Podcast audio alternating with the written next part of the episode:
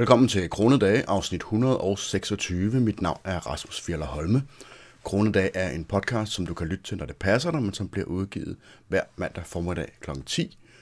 Kronedag handler som sagt om penge, det vil sige budgetlægning, investering, opsparing af hverdagen, alt hvad der er relevant for, at du kan opnå så høj økonomisk frihed som muligt på så kort tid som muligt. Kronedage er nogle gange støttet af nogle fantastiske virksomheder, som gerne vil have deres navn ud til lyttere, som interesserer sig for privatøkonomi og investeringer og den slags. Men som udgangspunkt er podcasten opretholdt af dig, som lytter med. Og det kan du gøre ved enten at gå ind på pengepuren.dk-support, eller du kan hjælpe mig ved at hjælpe et barn, du holder af, ved at gå ind på pengepuren.dk-athen, og der kan du finde bogen Den rigeste dreng i Athen, som hjælper børn med at få et rigtig godt forhold til privatøkonomien. En bog, der er baseret på den oprindelige bog fra mm, en gang i 1920'erne, som hed Den rigeste mand i Babylon, som så er omskrevet af Timothy fra USA og oversat af mig, så den er mere børnevenlig. Det var pengepuren.dk-athen. I dag der kunne jeg godt tænke mig at tale om et emne. Nej, jeg skal lige først sige, at øh, i næste uge så skal vi have en, øh, en snak, et interview med Martin Riedel, som er Øh, CEO eller ejer eller opstarter, eller hvad man nu kalder det, for realkreditkonsulenterne.dk, som øh, er en, øh, ja, en, en virksomhed, som hjælper folk med at finde ud af, om det kan give mening for dem at omlægge deres lån eller ej. Og Martin han har jo været i det her game i rigtig, rigtig mange år, så derfor så rakte jeg ud efter ham og hørte ham, om han har lyst til at tage en snak omkring det her med realkreditlån, fordi jeg jo ikke selv har nogen af den slags, og øh, derfor gav mening at tale med en, som var, efter min overbevisning, en af de øh, mest førende eksperter inden for området i Danmark. Og øh, det skal vi tale om i næste uge, så det håber jeg, at du vil lytte med på os. Men i denne her uge, der kunne jeg godt tænke mig at øh, lave en lille snak om et emne, som har fyldt rigtig meget for mig, fordi vi havde en, øh, en dieselbil, som jeg milde sal var ved at være rigtig, rigtig træt af. Der var mange ting, der skulle laves på den, og øh, det var ellers en, en ret energieffektiv dieselbil, men jeg var simpelthen så dødtræt af, at der var alt muligt bøvl med den. Så derfor så kiggede vi jo efter, at vi skulle ud og, og finde en ny bil i stedet for, eller en, en ny for os, selvfølgelig stadigvæk en brugt. Der er jo meget hurtige afskrivninger de første år, så derfor så giver det oftest god mening at købe en bil, når den er de der 2-5 år gammel eller noget af den stil. Og øhm, vi havde kigget på alle mulige forskellige muligheder, som skulle passe til vores familie, og i virkeligheden så burde vi jo nok have fået en, en syvpersoners bil, øh, fordi at, ja, vi er fem i vores familie, og må ikke der kommer nogle flere til på et eller andet tidspunkt. Øhm, men øh, det, er, det er en anden diskussion, hvor, hvordan der var ledes. Men i hvert fald så kiggede jeg på de forskellige muligheder, og så var det, jeg tænkte, skal vi lige prøve at kigge på de der elbiler? Øh, jeg har altid sådan haft det lidt med elbiler, jeg synes sgu, ja, det var måske lidt hypet, og der var jo også noget med, at de ikke kunne køre særlig langt på en opladning, og blev det ikke lidt for besværligt og, og sådan nogle ting. Men jeg synes alligevel gerne, at jeg ville regne lidt på det først. Og jeg kom frem til nogle sådan rimelig interessante beregninger omkring, hvad det koster at køre sådan en elbil der.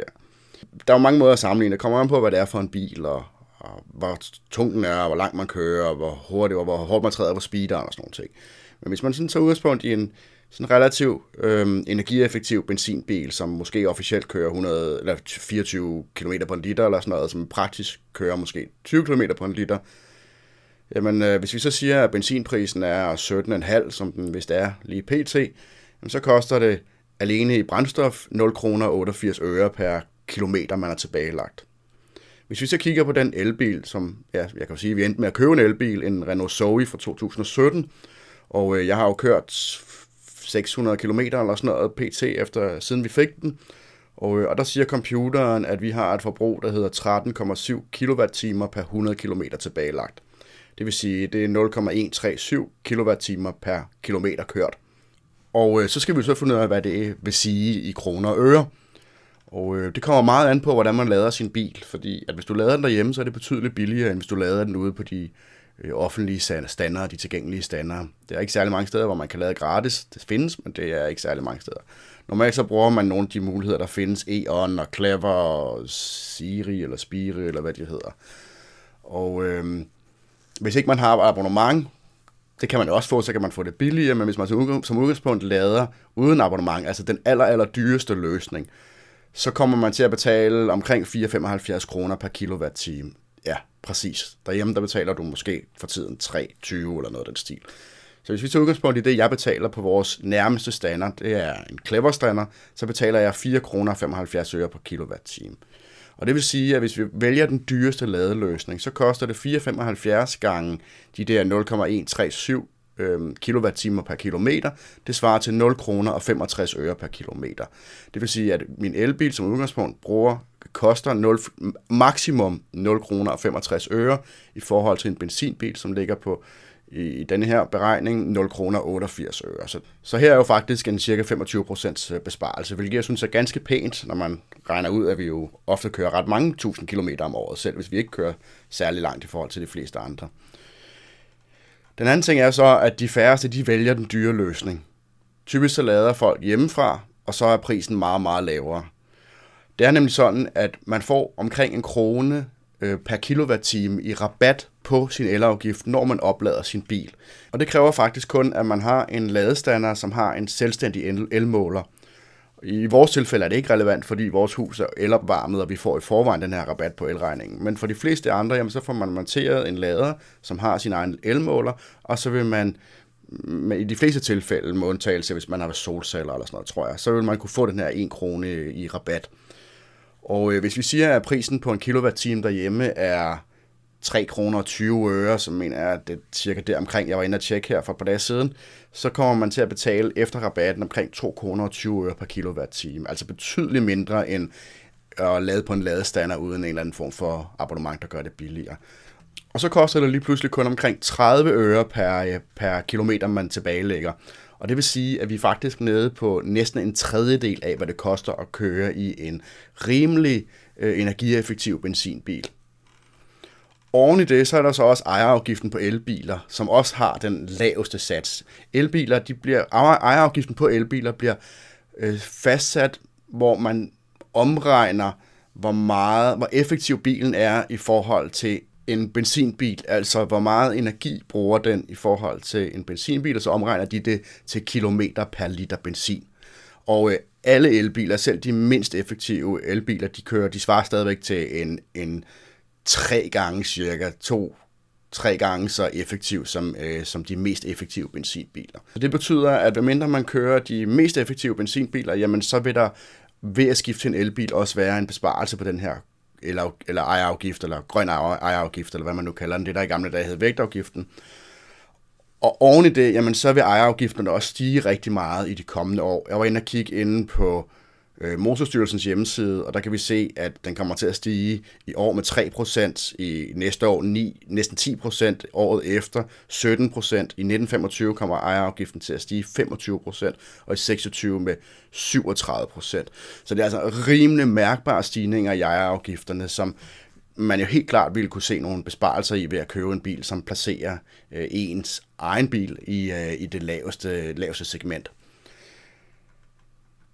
Oven i det, så er der selvfølgelig også forsikringen, som også er en udgift, som er forbundet med at eje bil. Og når jeg sådan sidder og sammenligner lidt, hvad koster en forsikring på en elbil i forhold til en, en tilsvarende benzinbil eller en, en dieselbil, jamen så er, så er der ikke rigtig nogen mærkbar øh, besparelse, hverken den ene eller den anden vej. Som udgangspunkt så tager forsikringsselskaberne udgangspunkt i, hvor gammel ejeren er, hvad ens ancienitet er, hvilken skadehistorik man har, og øhm, hvor, hvor, hvor dyr en bil det er, og hvor mange hestekræfter den har. Og det vil sige, at det er nogle faktorer, der som udgangspunkt ikke påvirkes af, om bilen den er elektrisk. Der findes elektriske biler med mange hestekræfter, der findes elektriske biler med, med ganske få hestekræfter. Så er der jo selvfølgelig den store ting, og det er jo, man kan sige, hvis, hvis, el, hvis du kunne skifte din nuværende benzin- eller dieselbil ud med en tilsvarende elbil, uden at det ville koste noget, så var det nærmest en no-brainer, så ville det næsten kunne betale sig for alle mennesker. Også dem, som ikke, altså som bor i en lejlighed, og som ikke har mulighed for at få deres egen stander, så ville det stadigvæk være billigere at, øh, at bruge Clevers netværk, eller E.ON, eller nogle af de andre. Men elbiler koster jo noget at købe. Og øh, hvor man kan sige, at ejerskabet af en elbil er ret lavt eller ret billigt, jamen så er det en lidt anden situation, når det kommer til købsprisen. På trods af de her lave registreringsafgifter, jamen så er en ny elbil typisk meget, meget dyrere at købe end en tilsvarende benzinbil. Fordi at de jo har de her batterier, og øh, det er rigtig, rigtig dyrt. Der er nogle ret høje udviklings- og produktionsomkostninger forbundet med at producere de her batterier. De er blevet betydeligt billigere, end de var for bare 10 år siden. Der er virkelig kommet, altså for, for, for relativt for hvad, 20 år siden eller sådan noget, så ville det være helt umuligt overhovedet at, at have en, en, en, eller producere en elbil, som almindelige mennesker på nogen måde kunne betale øh, hvis den skulle have den størrelse, som batterierne har i dag, altså hvis den skal have den rækkevidde, som den har i dag. Og rækkevidden kommer vi ind på øh, senere. Øhm, men det betyder så også, at der er en ret stor forskel på, om man kører køber en elbil, eller man køber en, en tilsvarende benzin- eller dieselbil. Faktisk så er der, hvis vi kigger på de mindre biler, øh, for eksempel Peugeot, de har den, der hedder en 208, som er de har 108, mener den hedder, som er den allermindste, og så har de 208, som er en lille smule større. Og, og så har de en E208, som er eludgaven. Det vil sige, at vi har to biler, som minder rigtig, rigtig meget om hinanden, eller samme producent, samme størrelse og alle de her ting. Og her er der i indkøbspris som ny en forskel på lige knap 100.000 kroner.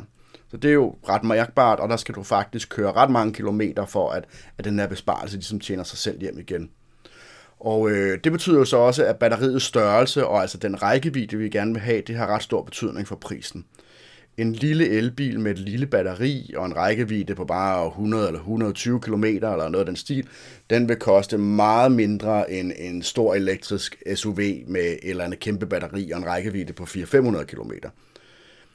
Men når det så er sagt, så kan man faktisk godt finde en ny familieelbil, altså en elbil, som har plads til til nogle mennesker, og kan sådan køre sådan rimelig, også kan bruges til motorvejskørsel og sådan nogle ting, de kan godt findes til en sådan nogenlunde anstændig pris, også fra ny. Øh, den bedste mulighed, jeg umiddelbart har kunne finde, det er Nissan Leaf, som koster fra omkring 200.000 kroner. Og øh, så er det klart, at man skal betale lidt mere, hvis man gerne vil have mere end bare basismodellen, men ja, det må man jo selv vælge. Men det er rigtig mange penge, og det er penge, som jeg personligt ikke vil betale for duften af at have en ny bil, om man så må sige. Men den her prisforskel, den vil så også formentlig i fremtiden lukke sig ret meget i takt med, at batteripris, batteripriserne de bliver ved med at falde, og at øh, elbiler de også bliver mere almindelige, mere udbredte. Men som udgangspunkt er en elbil stadig dyrere at købe end en benzinbil i dag. Og vi ser også den tilsvarende forskel på brugtbilmarkedet, hvis vi kigger på 1-2 år gamle elbiler, jamen så koster de generelt betydeligt mere end tilsvarende benzinbiler. Hvis vi kigger på dem, der er lidt ældre, dem der er en 5-6 år gamle, jamen så er det her spænd i prisforskellen mellem benzinerne og elbilerne, den er betydeligt mindre, og i nogle tilfælde, jamen, så kan du faktisk finde elbilerne billigere. Og det er der muligvis en grund til, men, men det kommer vi ind på omkring det med rækkevidde og sådan noget. Udover selve købsprisen, jamen, så er der jo også det her spørgsmål om afskrivningerne. Når bilmagasiner og blade, aviser og sådan nogle ting, de skriver om, hvad koster det at eje en bil, så medregner de også afskrivningerne.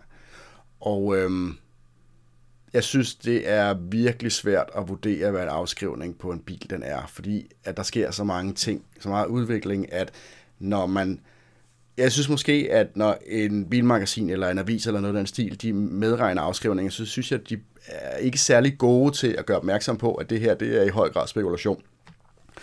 Og når det kommer til elbiler, så er det også virkelig svært at vurdere, hvor meget taber sådan en egentlig værdi. Øhm, fordi at vi jo ikke har haft elbiler voldsomt mange år, og at der er sket en ret stor udvikling i elbiler øh, i kvaliteten af elbiler, holdbarheden og sådan nogle ting.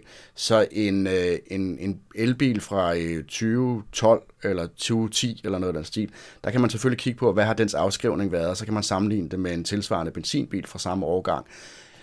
Men det er bare ikke sikkert, at den afskrivning, der har været de sidste 10 år på både en el, elbil og en benzinbil, vil være den samme som de afskrivninger, vi kommer til at se de næste 10 år.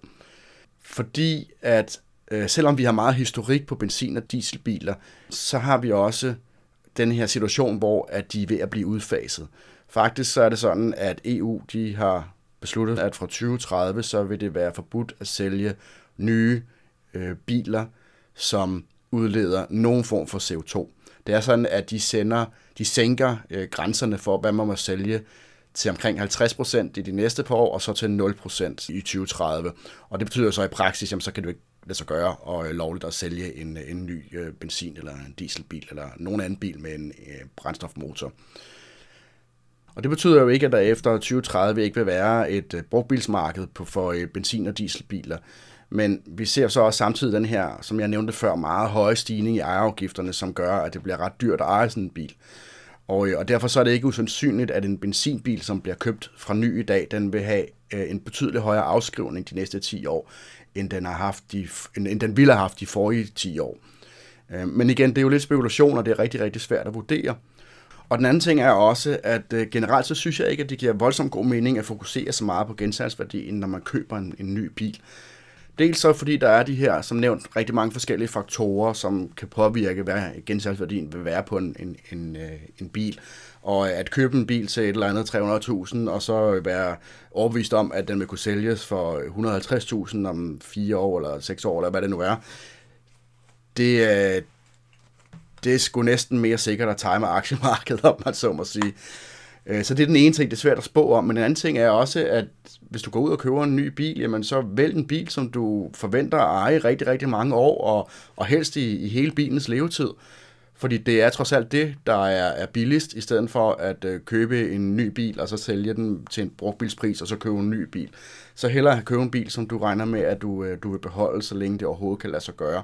Og, og gerne indtil, at, at den nærmest ingen værdi har længere, fordi så har du fået allermest værdi ud af den. Nå, men det er jo sådan de direkte udgifter. Så er der jo nogle af de her ting, som mange mennesker de har været meget i tvivl om, og som også var noget af det, jeg brugte rigtig meget tid på at researche, inden vi gik ud og købte en elbil. Det var det her med levetiden på et bilbatteri. Og det jeg kom frem til, det var, at bilbatterier de holder generelt meget længere, end de fleste mennesker de frygter de øh, første moderne masseproducerede biler, de, der, ja, når jeg siger moderne, så er det jo fordi, at der faktisk var elbiler allerede tilbage. Nogle af de første biler overhovedet var, var elbiler, men det er en anden situation. De første moderne sådan, masseproducerede elbiler, de kom på markedet for lidt over 10 år siden, og, øh, og derfor så har vi efterhånden noget historik på de her øh, bilbatterier, og hvor lang tid de egentlig holder. Og øh, man kan sige, at mange af os, vi har jo nok haft en bærbar computer eller mobiltelefon, hvor vi oplevede, at øh, batteriet det relativt hurtigt blev dårligere og dårligere, og ja, det er jo en bærbar, det er irriterende, og det er jo, hvad det er, men, men det er langt værre, hvis man oplever noget tilsvarende med en bil, selvfølgelig, fordi de er jo meget, meget dyre. Men der er heldigvis også meget stor forskel på holdbarheden af et mobilbatteri eller bærbar batteri også selvom at teknologi, selve batteriteknologien i, i dag i hvert fald grundlæggende er den samme. Det vi kan se, det er, at batterierne på elbiler, de faktisk holder rigtig godt, og producenterne har været gode til allerede fra starten at udvikle nogle biler, som, hvor batterierne de kan, de kan, øhm, de kan holde i mange år. Øh, der er selvfølgelig noget degradering af, af kvaliteten på de her batterier over tid, men det er ikke noget, som overhovedet lugter lidt af det, vi, vi har oplevet, nogle af os måske med vores bærbare computer. Øhm, samtidig så er der sket en hel del siden de første moderne elbiler. Altså de elbiler, som, hvor vi ligesom har lang nok tid til, at vi kan se på batterierne, at de egentlig er okay, men at de selvfølgelig ikke er af den samme holdbarhed, som de var, øh, da de var nye. Så er der sket rigtig meget i udvikling af elbiler i perioden siden der. Dels har batteriteknologien udviklet sig, men bilproducenterne de har faktisk også gjort sig nogle rigtig værdifulde erfaringer omkring, hvordan man bedst bevarer et batteri. Og det betyder blandt andet, at øh, der i dag er lavet en hel del funktioner, som passer rigtig godt på batteriet. Det vil sige, at de for eksempel har sådan noget som effektiv aktiv køling, som beskytter batteriet mod at blive ophedet, både når det bliver opladt, fordi man jo oplader med høj hastighed, så bliver batteriet varmt, øh, men også hvis man kører lidt hårdt på den, jamen så bliver batteriet også hårdt afladt, og så bliver det også varmt.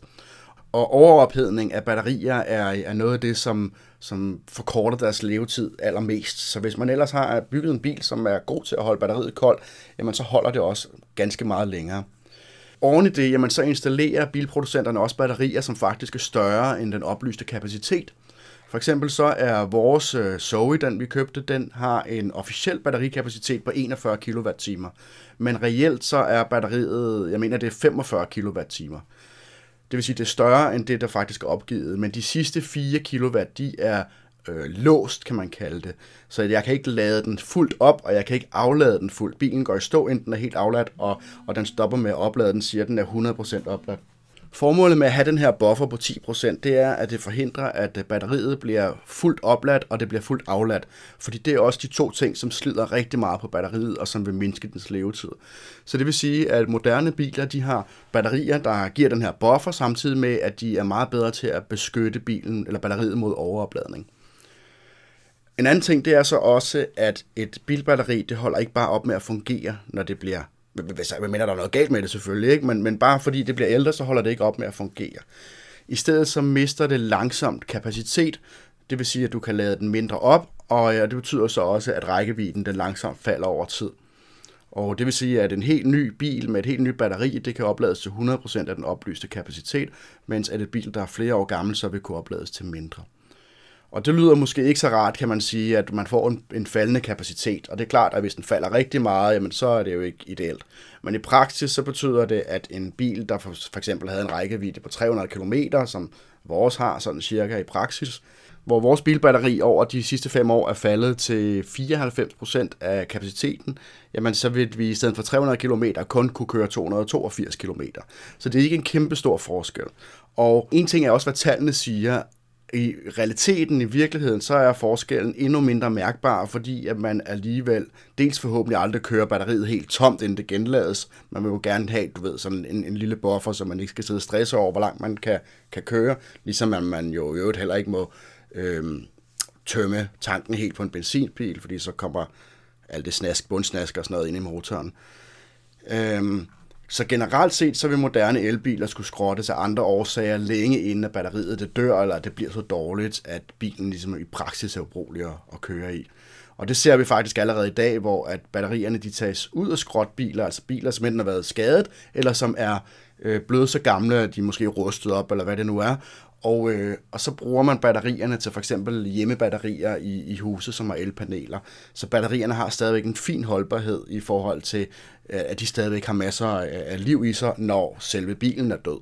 Og det synes jeg er en meget øh, positiv ting, og, øh, og det tror jeg helt klart, vi kommer til at se i endnu højere grad også med, med nyere biler. Så er der så nogen, der vil sige, at øh, min ven havde en elbil, og, øh, og den døde efter 8 år. Og det er klart, at der findes jo historier om batterier med en meget kortere levetid end forventet. Ligesom der i øvrigt gør med øh, benzinbiler og dieselbiler. Måske har du også hørt om ham herovre i Finland, som øh, havde købt en Tesla, og øh, jeg tror det var efter 10 år eller sådan noget, så sprang han den i luften, fordi batteriet var helt dødt. Han kunne knap nok starte bilen, han kunne i hvert fald ikke køre nogen steder. Og så lavede han en lille stunt ud af det, ved at han øh, satte eksplosiver på den og, øh, og sprang den i luften. Men mange af de her historier, de er jo ofte mere et resultat af et mandagsbatteri, om man så må sige, end noget andet. Og ligesom som jeg sagde før, jamen, så gør det selvfølgelig også gældende for biler med, med forbrændingsmotor. Og hvis vi kigger på elbiler generelt, jamen, så har de fleste af dem faktisk batterier, som fungerer rigtig fint i mange år. Samtidig så er de helt tidlige elbiler, de er ikke konstrueret helt med samme funktioner til beskyttelse af batteriet, som vi talte om før.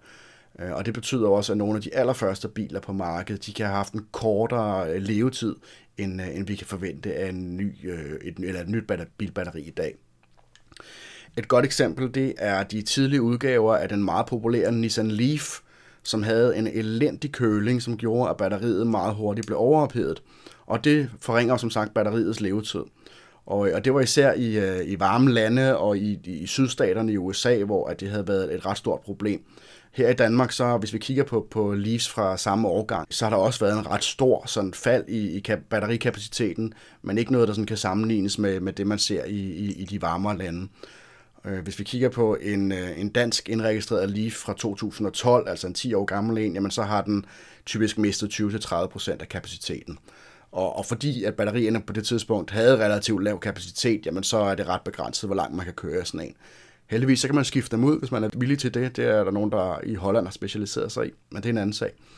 Øhm, men jeg tror ikke, vi skal regne med at se øh, 20-30% øh, batterifald i kapaciteten i, i biler, som har fået noget aktiv køling og, øh, og generelt, hvor bilen passer bedre på det.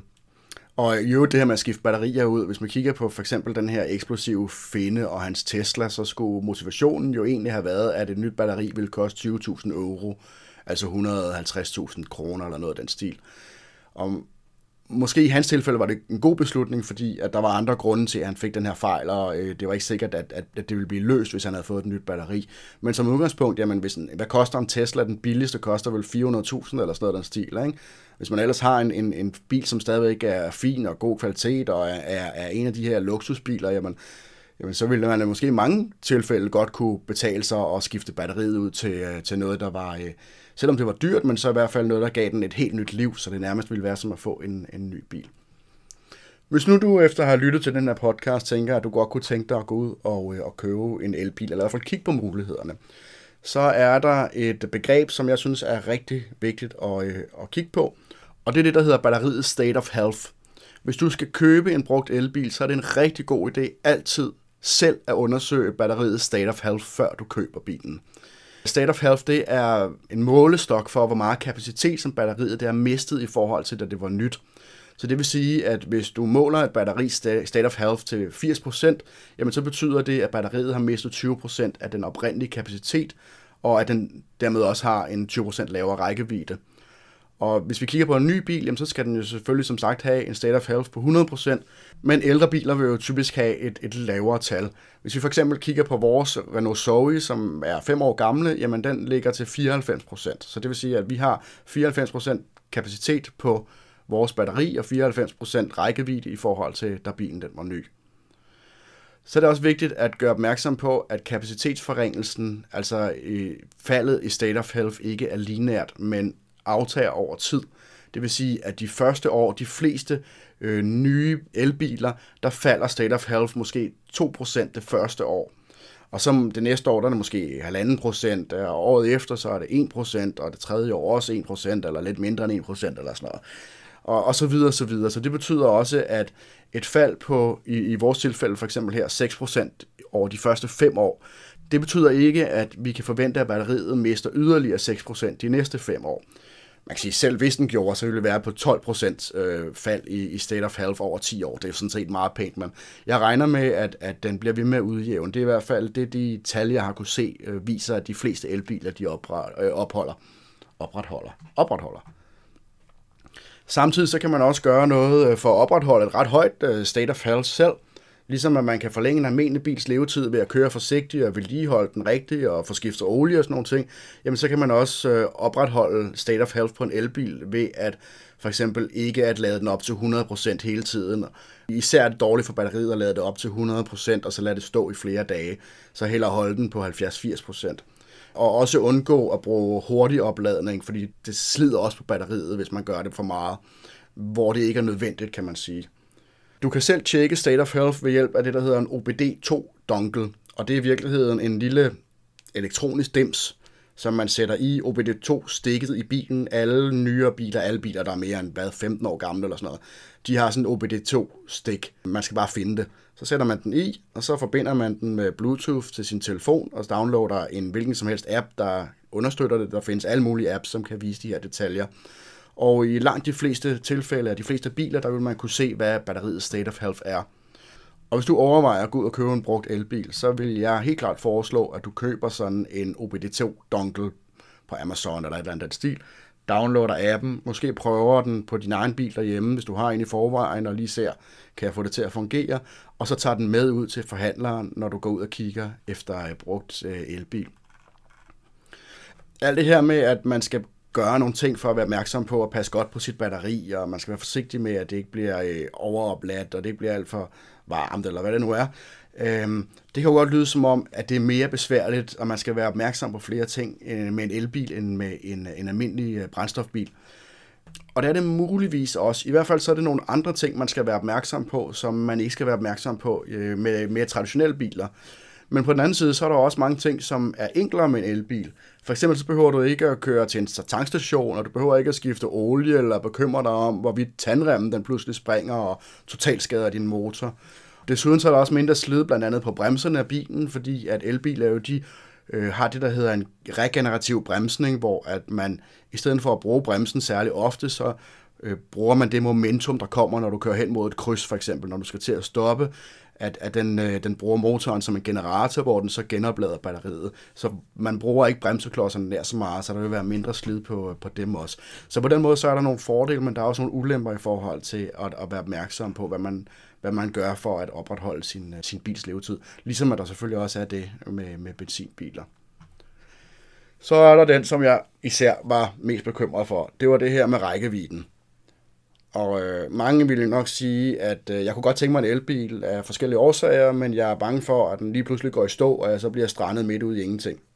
Og det er også en berettiget bekymring, men det er også ofte en bekymring, som meget let kan overvindes, hvis man planlægger sig lidt ud af det dels er det selvfølgelig relevant at være, gøre opmærksom på, at nogle biler har efterhånden en rigtig lang rækkevidde, men mange af de ældre elbiler de har en meget kort rækkevidde. Ikke kun fordi, at batteriets state of health er faldende, men også fordi, at de første elbiler de havde en rækkevidde på måske 150 km officielt, men i virkeligheden kun kunne gå 100 km. De fleste nyere biler har dog øh, en betydelig længere rækkevidde. Samtidig så synes jeg også, det er relevant at øh, huske, at næsten alle elbiler, hvis ikke det er alle elbiler, de har en funktion, som man kan kalde, jeg tror de fleste hedder ekotilstand eller noget af den stil, hvor at den begrænser bilens effekt, dens øh, hestekraft og dens accelerationshastighed og sådan nogle ting, øh, fordi den så hjælper dig med at spare på batteriet, så hvis du kommer ud i en tilstand, hvor du tænker, åh, nu er jeg sgu lidt i tvivl, om jeg kan komme hen til den næste lader eller komme hjem, så kan man bruge den, og så kan man komme noget længere. Øh, det er også en god idé at, at selvfølgelig kende sin bils rækkevidde, også under forskellige forhold. Vores Zoe har for eksempel en, den har officielt en rækkevidde på 400 km, men i virkeligheden, i praksis, jamen, så har den jo en rækkevidde på omkring 300 km. Om sommeren, hvis man kører pænt, og øhm, ja, i virkeligheden også efter min øh, oplevelse, selvom øh, klimaanlægget er tændt. Men hvis man så samtidig kører om vinteren, og du har varmepumpen tændt, jamen så har den rækkevidde på 200-220 km. Fordi at, at batterier de kører bedst, når de er varme, uden at være alt for varme. Og når det bliver koldt, så er de mindre effektive. Så det vil sige, at jeg har med vilje valgt en bil, der har en rækkevidde, som passer til langt størsteparten af vores behov, uden at vi skal finde en ladestander, og vi skal vente på, at den bliver ladet op og den slags. Og hvis du ved, hvor stor rækkevidde du har under forskellige forhold, jamen så kan du også bedre planlægge dine ture, og så kan du bedre undgå at bekymre dig om at skulle løbe tør for strøm. Så hvis du skal fra København til Nordjylland, og du ved, hvor langt der er, jamen så kan du også sådan beregne nogenlunde, hvor lang tid du kommer til at bruge på, på nogle stop øh, i ny og næ.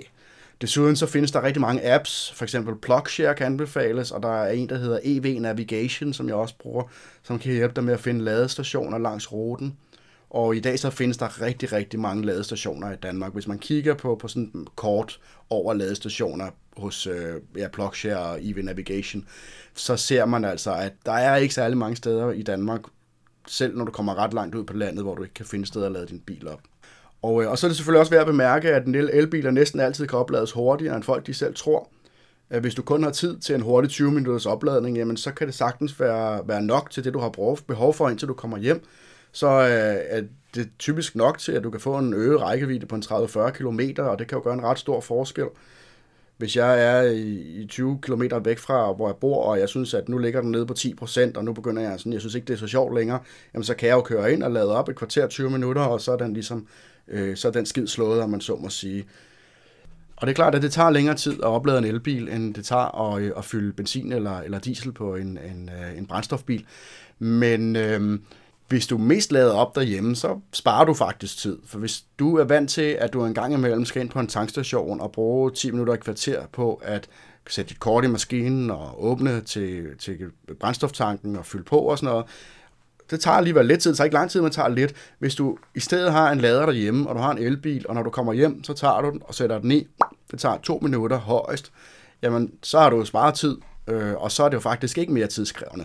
Det, der er tidskrævende, det er, hvis du har brug for at lade op ude fra hjemmet. Og, øh, og der er det jo så, at man kan komme til at bruge ret lang tid på at, at, at vente. Men som sagt, hvis du bare lige skal have nok til at komme hjem, så behøver du ikke at bruge flere timer på det, om man så må sige. Øhm, men når det er sagt, så er det klart, at det tager længere tid at oplade en elbil, og selv de mest effektive elbiler, de har ikke en rækkevidde, som kan konkurrere med en fyldt benzin eller en dieseltank. Så hvis du lader hjemme om natten, og mens du sover, jamen, så er det ikke et problem. Hvis du kører rigtig langt, og kører rigtig langt ofte, så kan det blive en udfordring. Man kan så også sige, at vi jo for eksempel ikke udelukker, at vi kommer til at bruge vores bil til at køre øh, til, til Tjekkiet en gang imellem. Og, øh, og det betyder, at vi skal bruge betydeligt længere tid på at lade op flere gange på vejen ned jeg ser det også lidt sådan, at det er så sjældent, at vi har behov for det, at vi kan godt leve med at bruge flere timer.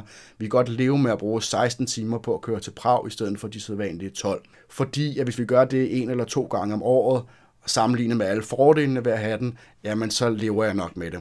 Hvis jeg to-tre dage om ugen pendlede mellem Nordjylland og København, så ville det være en anden sag. Men jeg synes også, man skal passe på med ikke at gøre de her sær øh, situationer og de her ting, som sker så sjældent til omdrejningspunktet for, hvilken bil man vælger at købe. Så kan jeg også lige sige, at jo mere øh, ladning der allerede er på batteriet, jo længere tager det, og hvad skal vi kalde det, fylde batteriet op med mere strøm. Det vil sige, at det tager længere tid at lade fra 90 til 100% opladning, end fra for eksempel 70 til 80. Så hvis du er nede på 10%, så tager det faktisk ikke så lang tid at gå fra 10 til 20 eller 30, så du lige kan få det boost, du har brug for, for at komme hjem, hvis du er langt væk. Øh, og det betyder også, at hvis du er ude på en længere tur, så kan du faktisk spare mere tid ved kun at lade måske lidt oftere, men kun at lade op til 80%, så slipper du for den der mærkbare stigning i ventetid fra, fra 80 til 100. Så lade to gange over en længere strækning med op til 80, i stedet for at lade en gang op til 100. Nå, min primære bekymring ved at købe en elbil, det er, at det ofte er meget sværere at finde digitale fejl end tekniske fejl. Og det synes jeg er en ting, der er værd at være opmærksom på. Det betyder jo, at hvis man har et problem, jamen så kan det være meget sværere at diagnostisere. Da min Volvo fra 2010 ikke ville starte for nylig, jamen så åbnede vores mekaniker for motoren, og så fandt han fejlen. Han kunne se, hvad der var galt med den, og så kunne han også finde ud af, hvad der skulle laves. Den slags fejl vil stadigvæk eksistere på elbiler, men ikke i nær samme grad, fordi der er meget færre øh, bevægelige dele. Men hvis nu for eksempel, at der er noget galt med accelerationen i min elbil, for eksempel, jamen så kan det være meget svært at finde ud af, hvad der er galt, i nogle tilfælde i hvert fald. I mange tilfælde, så kan det kræve særligt udstyr, hvor at, øh, det ikke er din lokale mekaniker, der har adgang til det. Og øh, det kan også være svært at vurdere, hvad der ligesom forårsager fejlen, og hvordan den skal udbedres. Og, øh, og man skal jo betale værkstedet uanset hvad, så der er en, en umiddelbart, tænker jeg, en større risiko for, at du ender med at betale en hel masse penge for noget diagnosearbejde, uden at du nødvendigvis får løst dit problem. Øh, når det er sagt, så tror jeg, at det også er selvfølgelig noget, der vil blive bedre med tiden efterhånden, som elbiler bliver mere almindelige, og, og derfor så bliver de også mere velkendte for mekanikere, og mekanikere får også deres efteruddannelse til det og sådan nogle ting. Og øh, man må også gå ud fra, at diagnoseværktøjerne de bliver mere sofistikerede, og det vil blive nemmere at finde og udbedre fejl i elbiler. Men indtil videre, så jeg ved ikke, om det er et problem, men det er i hvert fald en bekymring, som jeg trods alt har. Det er det her med det svære at finde ud af, hvad der er galt med en elbil, fordi at det er elektronisk i langt højere grad. Omvendt er der som sagt meget færre bevægelige dele i en elbil, og derfor så er der alt andet lige mindre, der kan gå galt. Så man kan med andre ord sige, at risikoen for, at noget går galt ved en elbil, det er mindre sammenlignet med en brændstofbil, men at konsekvenserne kan være større og dyrere og mere frustrerende, hvis, det, hvis der er noget, som ikke fungerer, som det skal. Okay, afslutningsvis. Kan det betale sig at udskifte sin nuværende bil, hvis man har en benzin- eller en, øh, en dieselbil med en elbil? Umiddelbart så tænker jeg, at det kommer helt an på, hvor meget du kører, og hvor energieffektiv din nuværende bil er. Og så selvfølgelig også, hvilken elbil du overvejer at skifte den ud med. Et godt udgangspunkt det er at sammenligne salgsprisen på din nuværende bil med prisen på en elbil, plus selvfølgelig udgiften til, hvis du skal have en hjemmelader. Hvis du skal have, det er ikke nødvendigvis nødvendigt for dig. Jo mindre difference, altså det vil sige, jo mindre du skal have op af lommen mellem det her, den nye bil og den, øh, den gamle bil, desto hurtigere så tjener den sig ind igen. Det vil sige, at hvis forskellen for eksempel er 50.000 kroner, hvis du har en bil, der er 100.000 kroner værd, og du kigger på en elbil til 150.000 kroner, jamen så er det jo alt andet lige bare at dividere den her difference med besparelsen per kørte kilometer, og så regne ud, hvor mange kilometer du skal køre for at tjene pengene hjem igen. Så det vil sige, hvis du sparer øh, 1 krone per øh, kørte kilometer, og du skal 50.000 kroner op ad lommen, jamen så har du selvfølgelig, så skal du køre 50.000 kilometer, før du ligesom har tjent pengene hjem igen. Og så skal du selvfølgelig også tage højde for, at du måske får en lavere halvårlig øh, ejerafgift. Hvis du kører en økonomisk benzinbil, og du overvejer udskiften med en ny elbil, så kan det nok i langt de fleste tilfælde ikke betale sig, før at den alligevel skal skiftes ud, før din benzinbil den bliver så gammel og slidt, at den ikke kan mere. Øh, og det gælder selvfølgelig især, hvis du ønsker en af de større og dyre øh, modeller af elbiler, fordi de koster jo altså simpelthen kassen, og du skal køre rigtig mange kilometer for at spare. Så hvis du kører rigtig mange kilometer, så er det måske en mulighed allerede nu. Omvendt, hvis du finder en mindre og en, en lettere brugt elbil, og øh, din nuværende bil har en, en rimelig øh, øh, gensalgsværdi, jamen så kunne det måske godt betale sig inden for relativt kort tid. Hvis vi kigger på vores øh, situation, jamen, så var vi så trætte af, at vi konstant skulle reparere vores dieselbil, at den skulle ud uanset hvad. Vi besluttede os ikke for, at vi ville have en elbil, vi besluttede os for, at vi skulle have en ny bil. Og her endte vi med at skulle finde cirka 90.000 kroner. Vi skulle have 90.000 kroner op ad lommen, men vi sparer omkring 8.000 kroner om året i brændstof og ejerafgift. Og det bliver selvfølgelig lidt mere, når øh, ejerafgifterne på især dieselbiler de kommer til at stige betragteligt over, et, over de næste år. Og øh, selvom jeg er stor tilhænger af, at man foretager investeringer, som sænker de månedlige udgifter, det kunne fx være efterisolering af huset og sådan noget ting, jamen så gav det i vores tilfælde kun mening, fordi vi allerede havde besluttet os for at købe en ny øh, brugt bil. Og derfor så sammenlignede vi ikke besparelsen ved at købe en elbil i forhold til den nuværende bil, men besparelsen ved at bruge penge på en lidt billigere brugt øh, benzin- eller dieselbil i forhold til at købe den her lidt, lidt brugte øh, elbil. Og der gav det mening.